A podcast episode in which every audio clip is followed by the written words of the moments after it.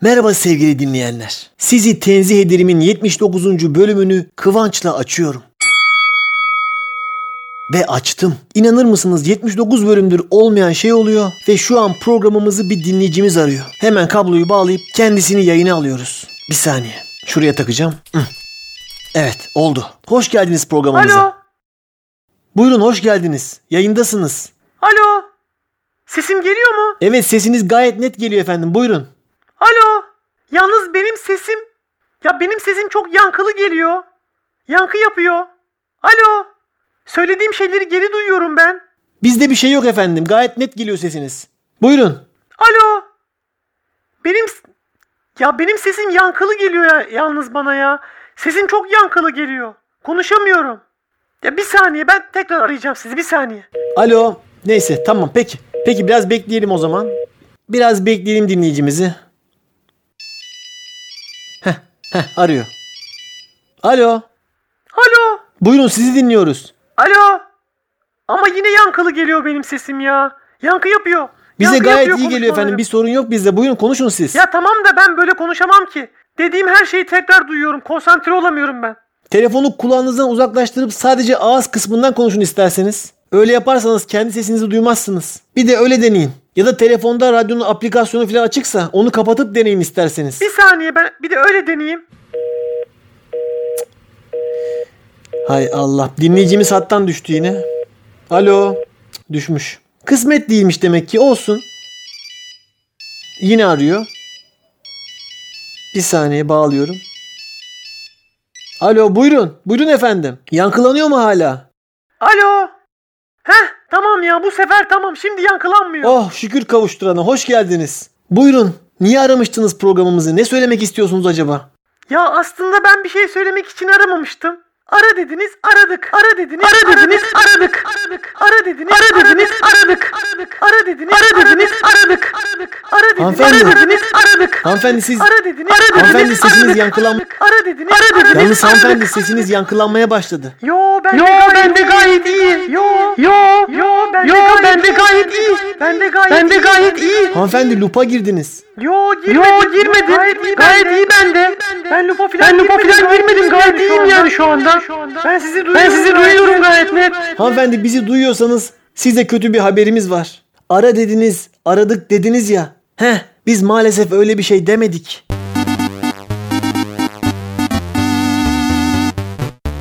Sizi tenzih ederim.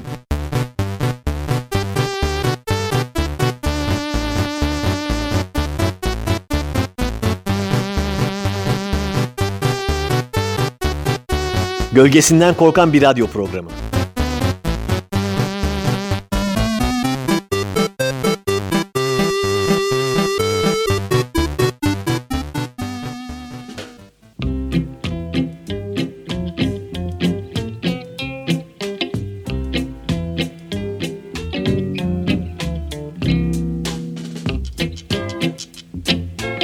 Programımızı Ara Dediniz Aradık isimli skeçle açtık. Hepiniz hoş geldiniz. Gündemimiz yoğun dostlar. Daha fazla zaman kaybetmeden hemen bu programda nelerden bahsedeceğimize geçiyoruz. Bu bölümümüzde kar yağışının insan psikolojisine olumlu etkilerinden, ikizler burcunun şerefsizliklerine, komşunun getirdiği tatlıyı gönül rahatlığıyla yiyememekten, Mars'ta yaşam belirtisi aramanın gereksizliğine, devre arasında forma değiştiren futbol takımlarından, yoğun kar yağışlı havalarda kullanılan turuncu futbol topunun insanda yarattığı çocuksu mutluluğa, kişisel gelişimle kireç sökücü arasındaki bağlantıdan, yoğuşmalı kombilere yakılan ağıtlara, salondaki laminat parkenin deseninde gecenin bir yarısı keçi kafası görüp tırsmaktan, İzzet Altınmeşe'den araklanan çocuk şarkılarına, bir şişe biranın 1 lira olması halinde ülkede esecek olumlu havadan, kişinin dertlerinin büyüklüğüne göre kısalıp uzayabilen ya sabır tesbih projesine, bankamatikten çekilen 280 liranın 28 tane onluk banknot şeklinde verilmesinin kişide yarattığı gereksiz özgüvenden mahalli bar gruplarının sancılı dağılma süreçlerine, para üstünü cımbızla veren koronavirüs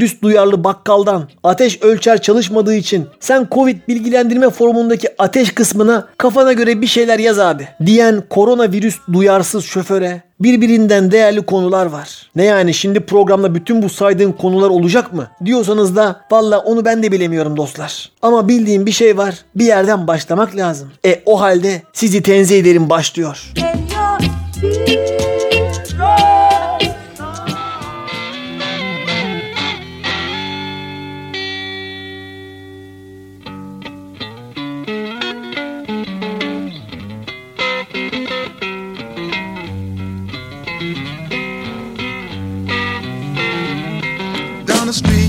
her scream, you're a disgrace. And she slams the door in his drunken face.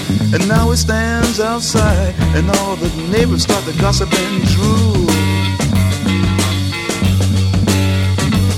He cries, oh girl, you must be mad. What happened to the sweet love you and me had? Against the door he leans and starts a scene, and his tears fall and burn his garden green. And so castles made of sand fall in the sea eventually. A little Indian brave who, before he was ten, played war games in the woods with his Indian friends. And he built a dream that when he grew up, he would be a fearless warrior, Indian chief. Many moons passed, and more the dream grew stronger till tomorrow he would sing his first war song and fight his first battle. Something went wrong. Surprise attack killed him in his sleep that night. And so castles made of sand melts into the sea.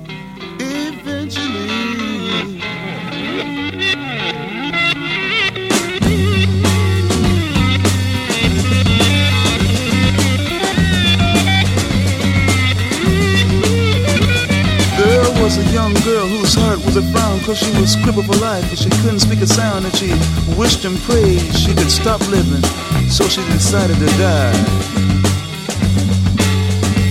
She drew a wheelchair to the edge of the shore And to her legs she smiled, you won't hurt me no more. But then a sight she never seen made her jump and say Look, a golden winged ship is passing my way. And it really didn't have to stop. It just kept on going and so castles made of sand slips into the sea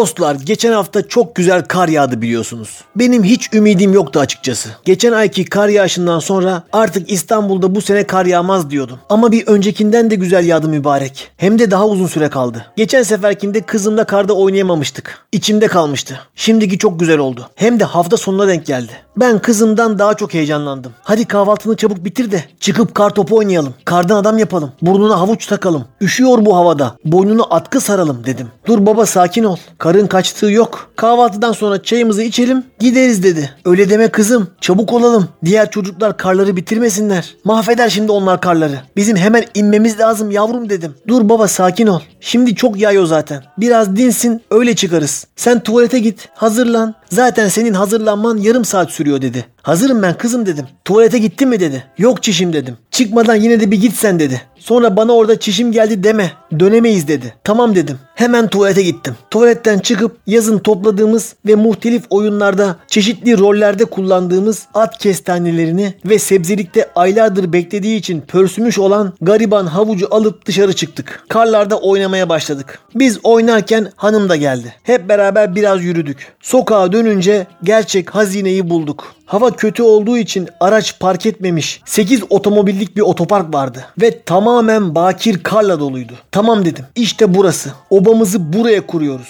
Hemen kardan adam yapmaya giriştik. Daha doğrusu kardan birey yapmaya giriştik. Şimdi cinsiyetçilik yapmayalım. Kızıma nasıl kardan birey yapılacağını göstermeye başladım. O o sırada havada lapa lapa yağan kar tanelerini diliyle yakalamaya çalışıyordu. Ben kardan birey yapmaya çok konsantre olmuştum. Artık olay benim için keyiften çıkıp doğru yapılması gereken bir işe dönüşmüştü. Kısa süre içinde kar topunu yerde yuvarlayıp kocaman bir kar yığınına dönüştürdüm. O kadar büyüdü ki tek başıma itmekte zorlanıyordum. Kızım yardım et de şunu yuvarlayalım dedim. Kızım o sırada kendini yere atmış, sırt üstü karların üstünde yatıyordu. Adeta mesai saatinde işten kaytarıyordu. Dedim bu böyle olmaz. Bu kardan bireyin gövdesi olacak. Hadi sen de kafasını yap dedim. Baktım hiç oralı olmuyor. Kafasını da ben yapmaya başladım. Tam o sırada bizim oynadığımız büyük alana küçük bir kız ve yanında bir teyze geldi. Teyze, aa bak anneanneciğim kardan adam yapmışlar dedi. Ben oradan kadının küçük kızın anneannesi olduğunu anladım. Çünkü tersi çok saçma olacaktı. Kadının bir elinde sadece gözleri ve bir miktar yanağı görünen al yanaklı torunu, diğer elinde de içinde 8 tane ekmek olan şeffaf bir poşet vardı. İlkokul 3. sınıftan beri bakkaldan 8 tane ekmek alan bir insan görmemiştim.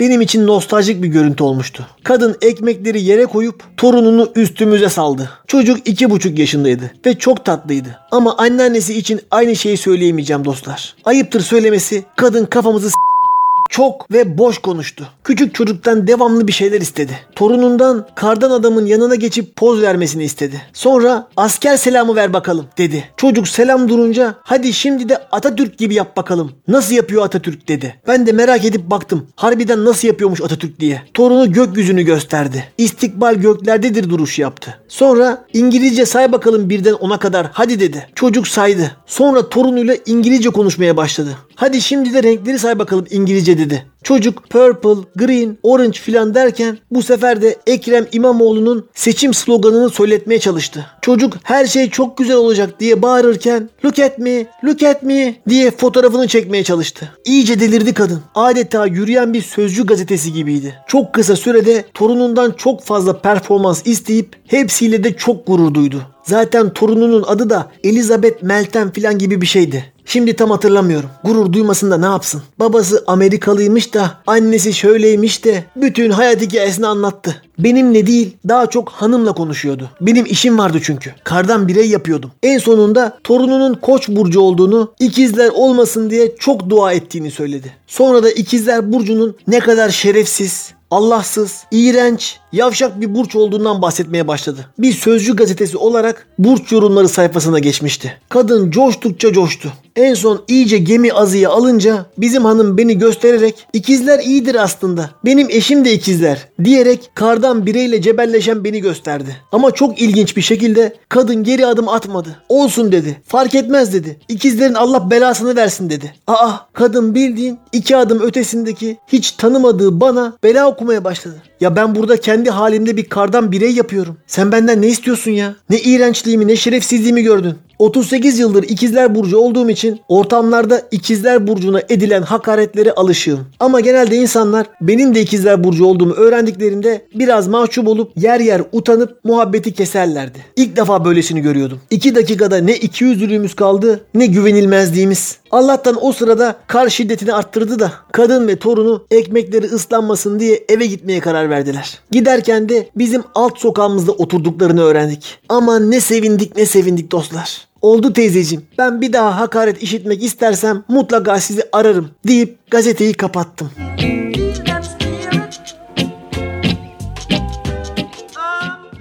Belki durup dururken yanına gelince Söylediklerimi anlamsız buldum.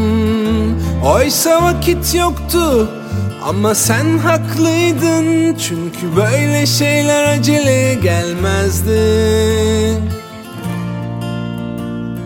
Yalandan da olsa.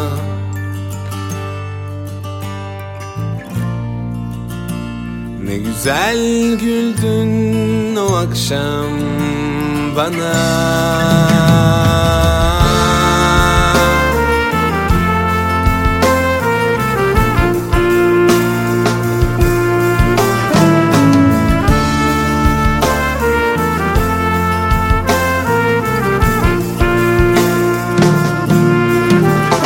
Belki tanışmak zor, iyi anlaşmak zor Peki görüşmek çok mu kolaydı? Çok kısa bir zamanda belki biraz da zorla Bence gayet iyi de anlaştık. Yalan olsa.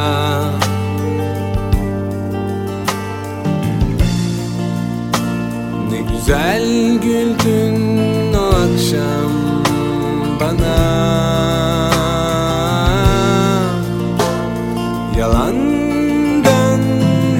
olsa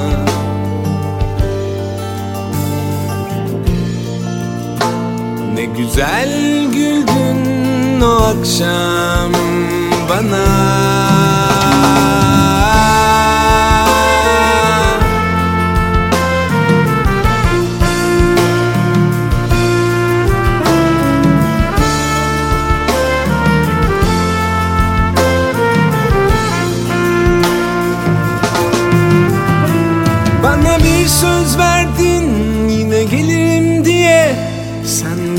gelmesen bile ben gelirdim. Sana bir şarkı yazdım söylersin diye. Beni hiç unutmamanı istedim. Yalandan da olsa.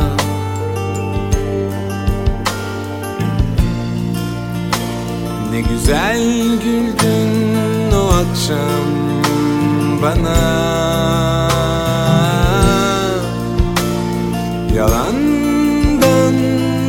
olsa.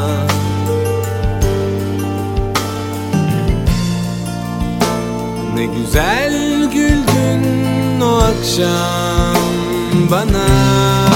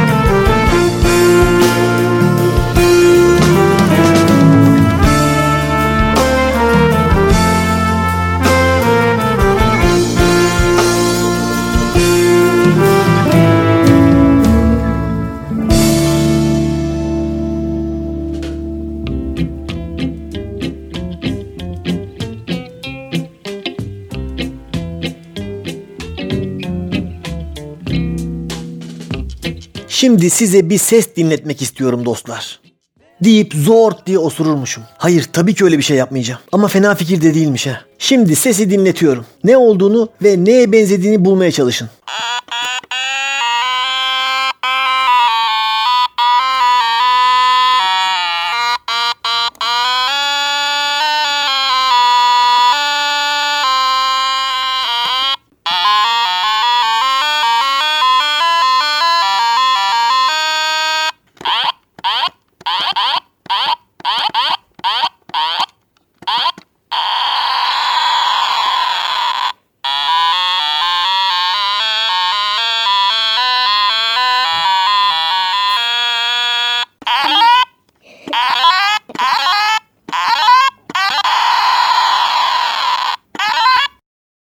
Bizim kızın bir oyuncağı. Daha doğrusu eskiden Tetris'ler vardı ya. İşte onlardan. Onun içinde çok oyun olan versiyonundan. Bu sesler de o oyuncaktan çıkıyor. Ama fark ettiyseniz oyuncağın pilleri azalmış. Pilleri azaldığı zaman böyle tuhaf sesler çıkaran çok güzel aletlerimiz var. Mesela eskiden Walkman'lerimiz vardı. Pilleri azalınca aletin devir hızı düştüğünden içindeki kasette şarkı söyleyen herkesi Metin Milli gibi duyardık. Barış Manço'nun Gül Pembe'yi Culture Impact. Diye söylediğini duymuş bir insan olarak bunları söylüyorum. Şu piller hemen bitse de kasetteki sesler deforme olsa diye heyecanla beklerdim. Çünkü gerçekten çok komik olurdu. Benim size dinlettiğim ses de pilleri bayağı azalmış bir Tetris sesi. Ama çok ilginç bir şekilde bu deformasyon sesi başka bir enstrüman sesine benzetmiş. O da ülkemizin güzel nefesli sazlarından kaba zurna. Evet yanlış duymadınız. Kaba zurna. Şimdi arka arkaya çalayım benzerliği anlayacaksınız. Ah, ah. ah.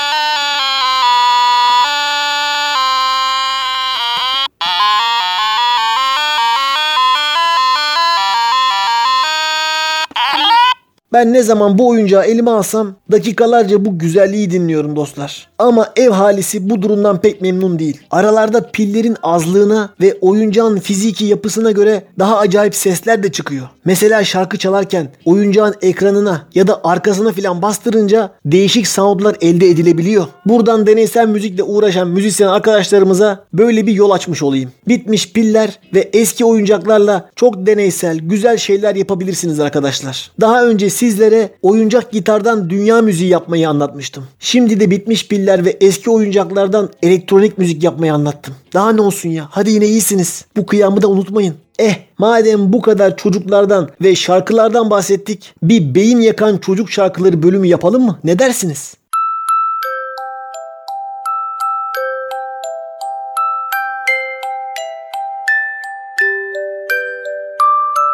Beyin yakan çocuk şarkıları.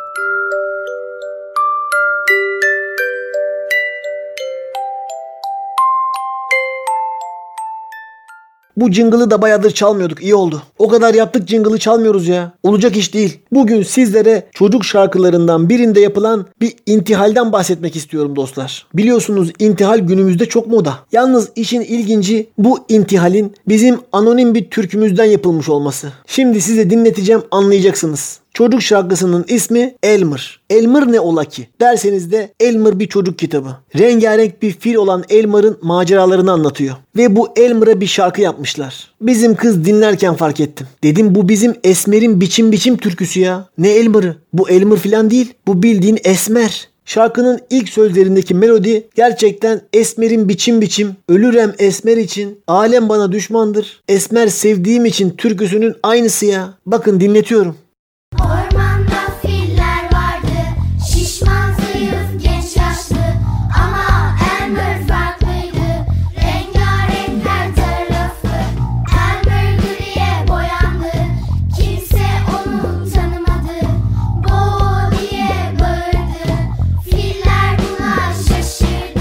Esmerim biçim biçim Ölürem esmer için Alem bana düşmandır Esmer sevdiğim için lo Ele loy loy loy Kibar yarim esmerim loy Ele loy loy loy Kibar yarim esmerim Diyarbakır yöremizden Esmer'in biçim biçim türküsü. Kusura bakmayın. Ve şimdi size daha acayibini söyleyeceğim. Bu türküyü kim derlemiş biliyor musunuz? Evet doğru tahmin ettiniz. Bu türküyü derleyen İzzet Altınmeşe. Çok şükür ki her programda olduğu gibi bu programımızda da İzzet Altınmeşe'nin adını andık. Şimdi taşlar yerine oturmuştur umarım.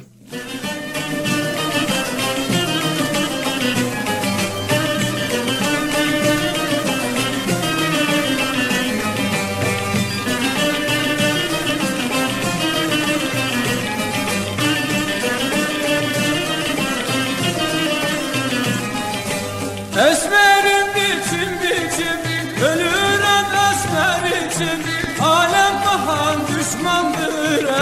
Esmer sevdiğim için. Ay ay hele loy loy loy. Kibar yarim esmerim loy.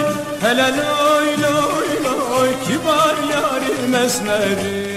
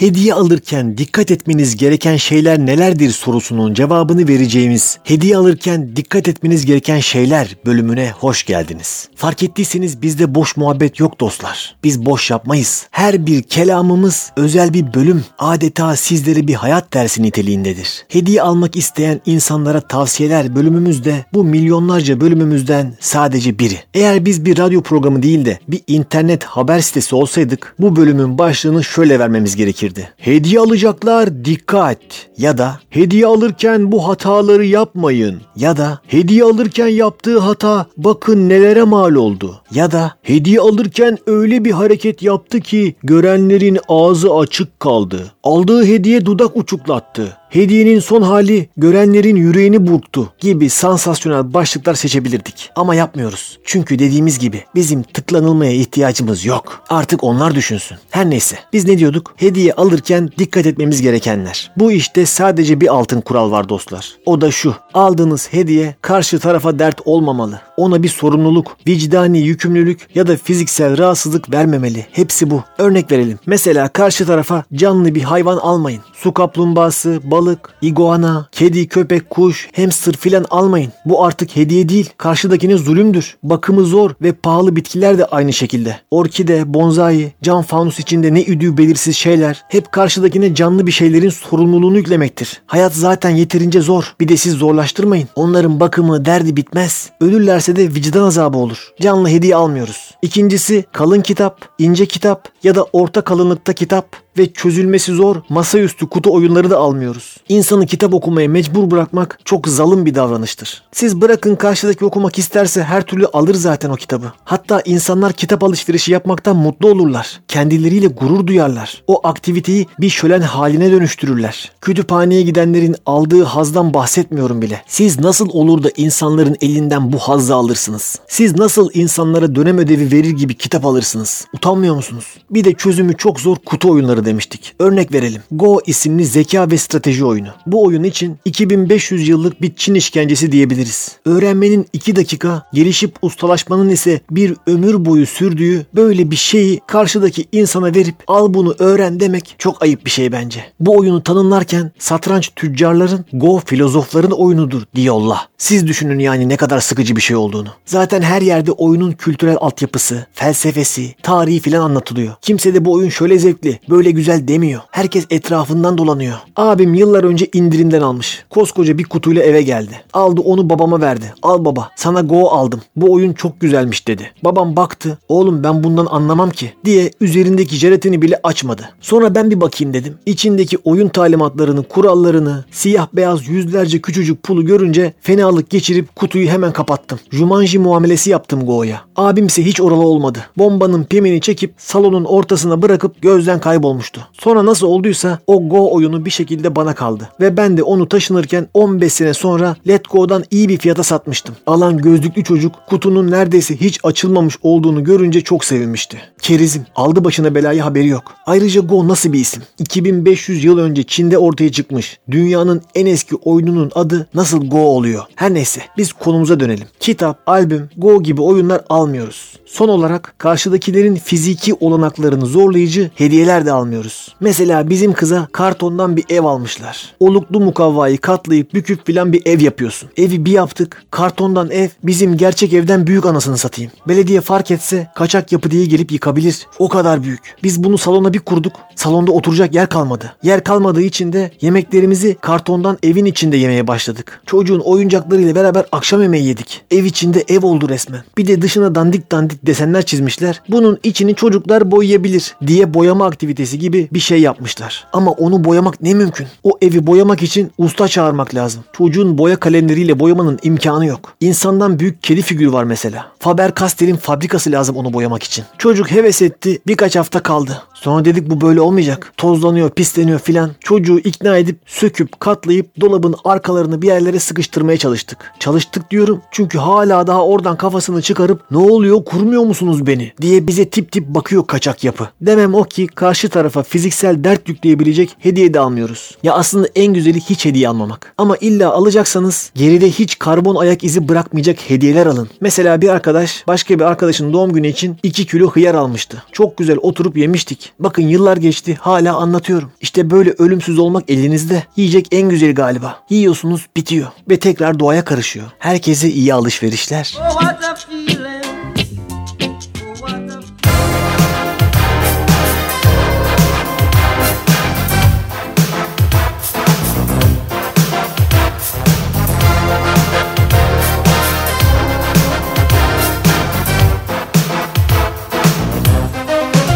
Sana bakarken bir ne kadar ben Seviyorum istiyorum seni içimden Ne zaman kalbimiz bir olacak? O zaman her gün bayram olacak. O gözlerinde sessiz bir öfke Sardı beni sevdim seni güller içinde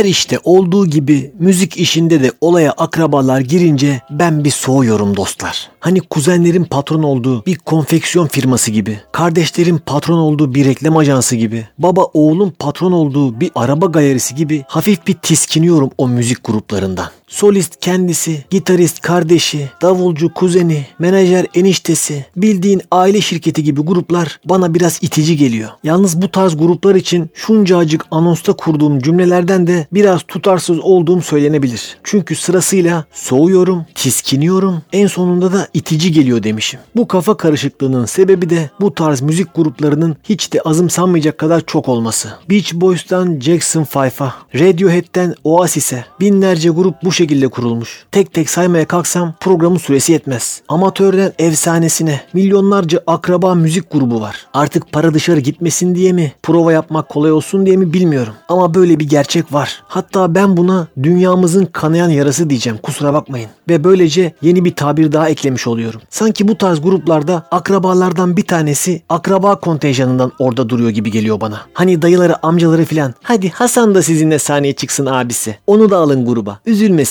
demiş gibi gruba dahil olmuş adam. Bizde de özellikle bu duruma Anadolu rock yapan gruplarda çok sık rastlanıyor. Sonu kardeşler ve lar, ler olan bir sürü grup var. Bu akraba gruplarının yanında sevgili grupları da var maalesef. Sevgili olsun, karı koca olsun ne yazık ki müzik dünyasında engel olamadığımız şeyler. Benim şimdi size anlatacağım olaysa benim şimdiye kadar gördüğüm en mahalli şekilde dağılan rock grubuyla ilgili. Bu kadar girizgahı boşuna yapmadık dostlar. Yoksa manyak mıyız biz bu kadar müzik grubunu karşımıza alalım? Gelelim esas meseleye. Yıllar önce Kadıköy Barlar Sokağı'nda canlı müzik yapan bir bara takılıyorduk. Tabii o zamanlar hızlı zamanlarımız. Benim saçlarım belinde. Cumartesi akşamları çıkan güzel bir grup var. Arkadaşlarla onları dinliyoruz. Sarı saçlı bir kadın vokalleri var. Temiz gitarları, eğlenceli bir repertuarları var. Bu arada vokalistle gitarist sevgili. Araları çok iyi görünüyor. Bira içip onları izliyoruz. Yer yer sağa sola sallanıyoruz filan. Kız çok güzel Amy Winehouse, Maroon 5 filan söylüyor. Gide gele biz bunları bayağı bir izledik. Sonra yine grubun sahne alacağı bir cumartesi gecesi mekana gittik. Bir baktık grup yok. Dedik herhalde işleri falan çıktı. Bir sonraki hafta yine gittik. Aa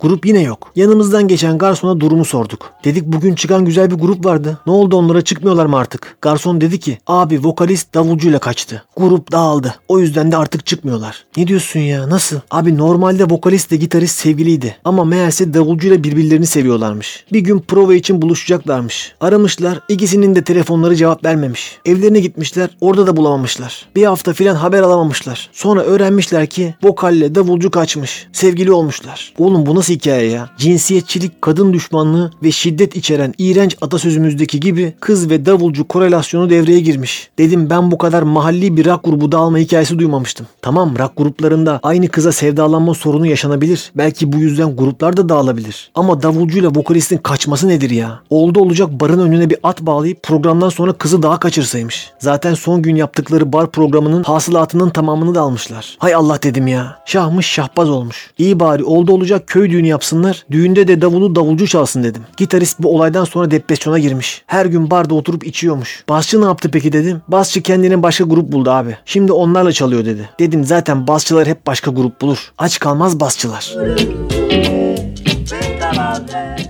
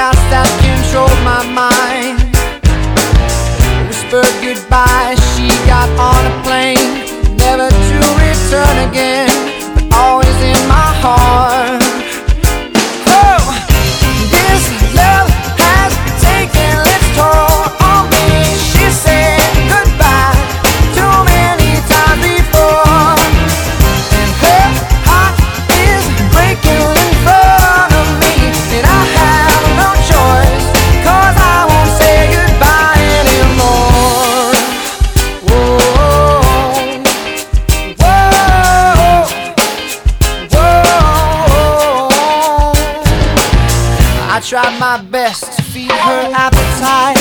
Keep her coming every night. So hard to keep her satisfied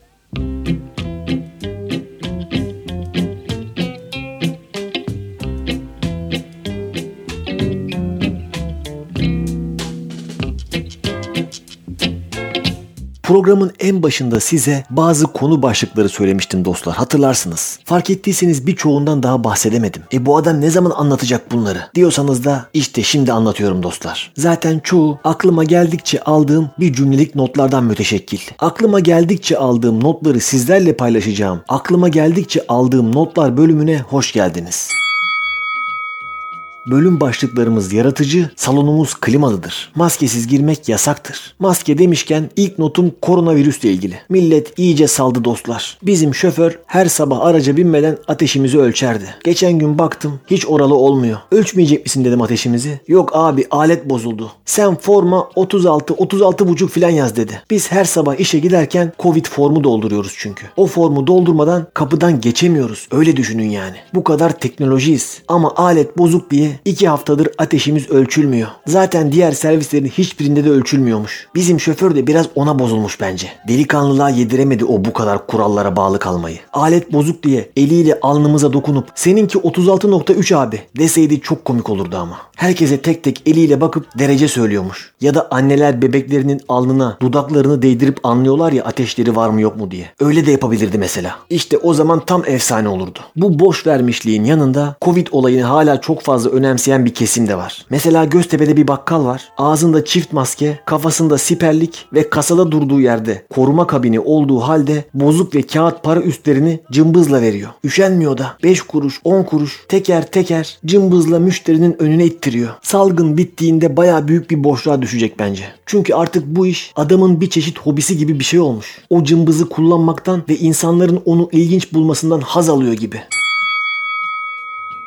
Ben komşuların getirdiği yemekleri, tatlıları gönül rahatlığıyla yiyemiyorum dostlar. Allah affetsin. Bu notum bu kadar.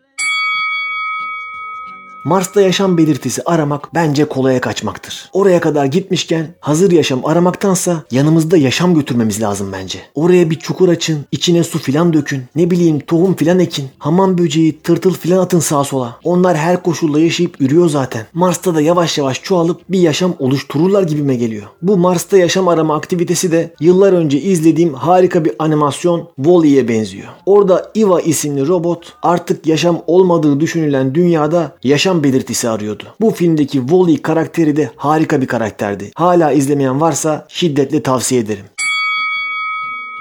Futbol takipçisi dinleyenlerimiz devre arasında forma değiştiren futbol takımlarını bilirler. O olay eskiden daha çok oluyordu. Şimdi pek olmuyor. Takım forma renkleri birbirine yakın olduğu zaman ya da uğur getirsin diye ikinci yarıya başka formayla çıkardı bazı takımlar. Ben o olayın hastasıydım. Tek biletli iki film izlemek gibi. Hatırladığım en son forma değiştirme aktivitesi Beşiktaş'ımızın ilk yarı kötü giden bir maçın devre arasında forma değiştirip ikinci yarıya 100. yıl nostaljik formasıyla çıkmış olmasıydı. Ve bu forma işe yaramış Beşiktaş'ımız maçı almıştı diye hatırlıyorum.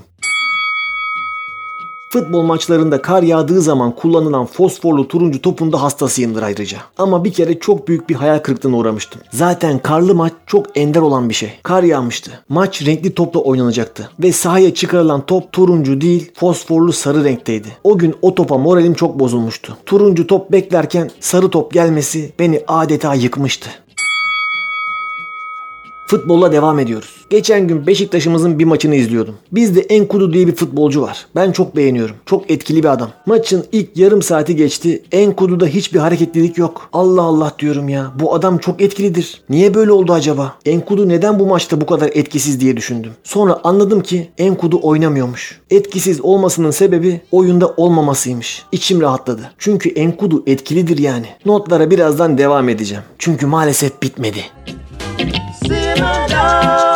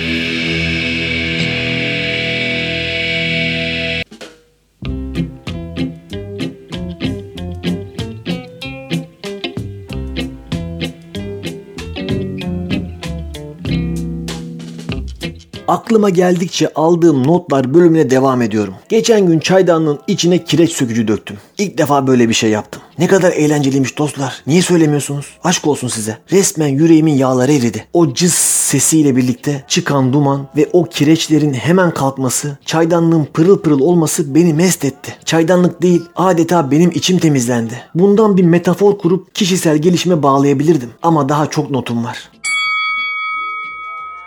Geçen ay havaların da bayağı soğuk seyretmesiyle doğalgaz faturasında rekorumuzu kırdık çok şükür. Bu günleri de gördük. Bir eşik aşıldı. Umarım gerisi gelmez. Bence dolar gibi zirveyi gördük. Bundan sonra biraz daha normal seyreder faturalar. Ben bu durumdan çok etkilenip yoğuşmalı kombi diye bir ağıt yakmak istedim ama hiç zamanım yoktu. Umarım ilerleyen programlarda yoğuşmalı kombi ağıtımı dinlersiniz. Geçen gün bir şişe biranın 1 TL olduğu bir Türkiye hayal ettim. Ve çok sevindim dostlar. Hayali bile mutlu etmeye yetti. Bütün pahalılık ve ekonomik kriz aynı kalsın. Ama 50'lik bir şişe bira 1 TL'ye sabitlensin. İşte o zaman çok daha mutlu bir ülke oluruz bence. Devlet büyüklerimiz bunu bir düşünsün. Düşünsenize ya harika bir şey olurdu. Geçen gün bankamatikten 280 TL çektim söylemesi ayıp. 280 lira çekmemin sebebi genelde parayı bozuk vermesi. Çünkü 80 TL'yi vermesi için en kötü 50 20 10 veriyor. Ya da 20 20 20 20 filan veriyor. Ben de bozuk para istiyorum sonuçta. Bankamatiğe yazdım 280 lira. Bir baktım alttan bir tomar para çıktı. Ama nasıl kalın hayvan gibi. Para çıkışından zor çıkıyor. Orada sıkıştı kaldı. İki elimle asılıp çekerek çıkardım parayı. Bir baktım alet 280 liranın hepsini 10'ar liralık banknotlar şeklinde vermiş. Tomarı ikiye katlayıp cebe attım. Ne alacaksam tomarı hacı bakkal gibi çıkarıp parmaklarımı yalayıp oradan verdim. Bu olay normalleşme sürecindeydi. Kafeler filan açıktı. Havalı bir kafeye gitmiştik. Filtre kahve filan içildi. Hesabı öderken garson kıza tomarın tamamını çıkarıp şak şak şak şak diye onluklar şeklinde sayarak verdim. Kızın bir anda bir sürü parası oldu. Bayağı marabasına yövmiyesini veren bir ağa gibi oldum. Biraz da mahcup oldum ne yalan söyleyeyim. Ağalık bana göre değilmiş demek ki.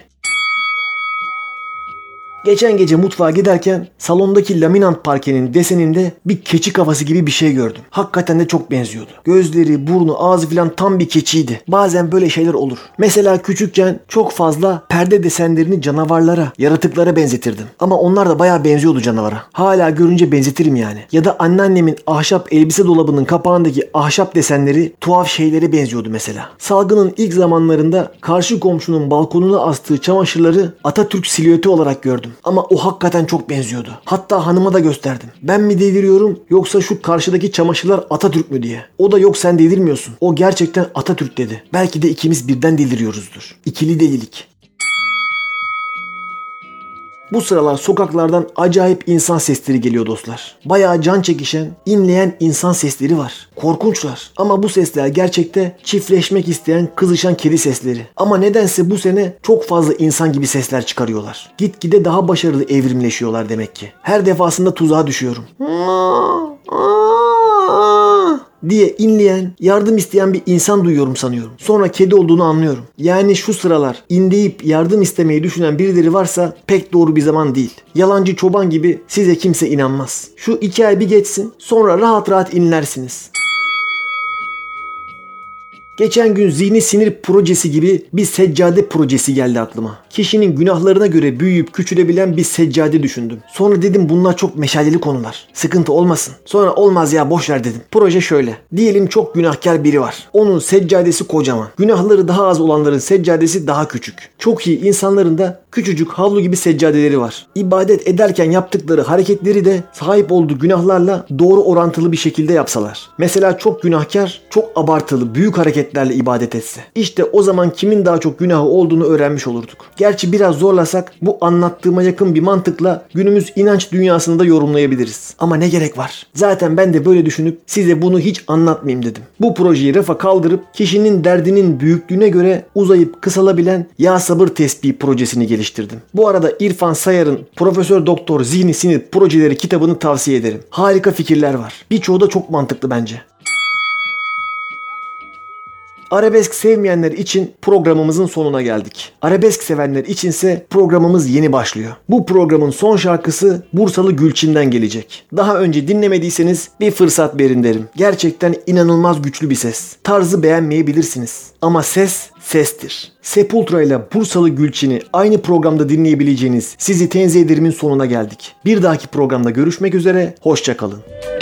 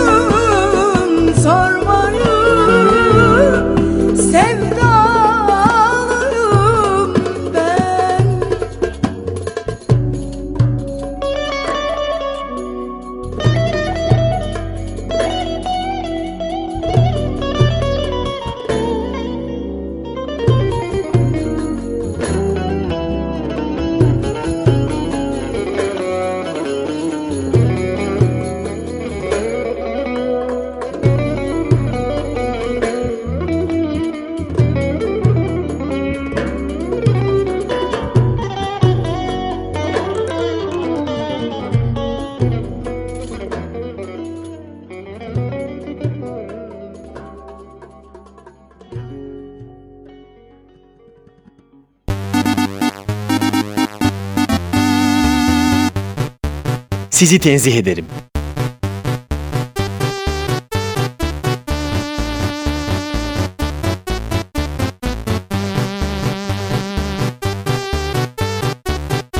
Gölgesinden korkan bir radyo programı.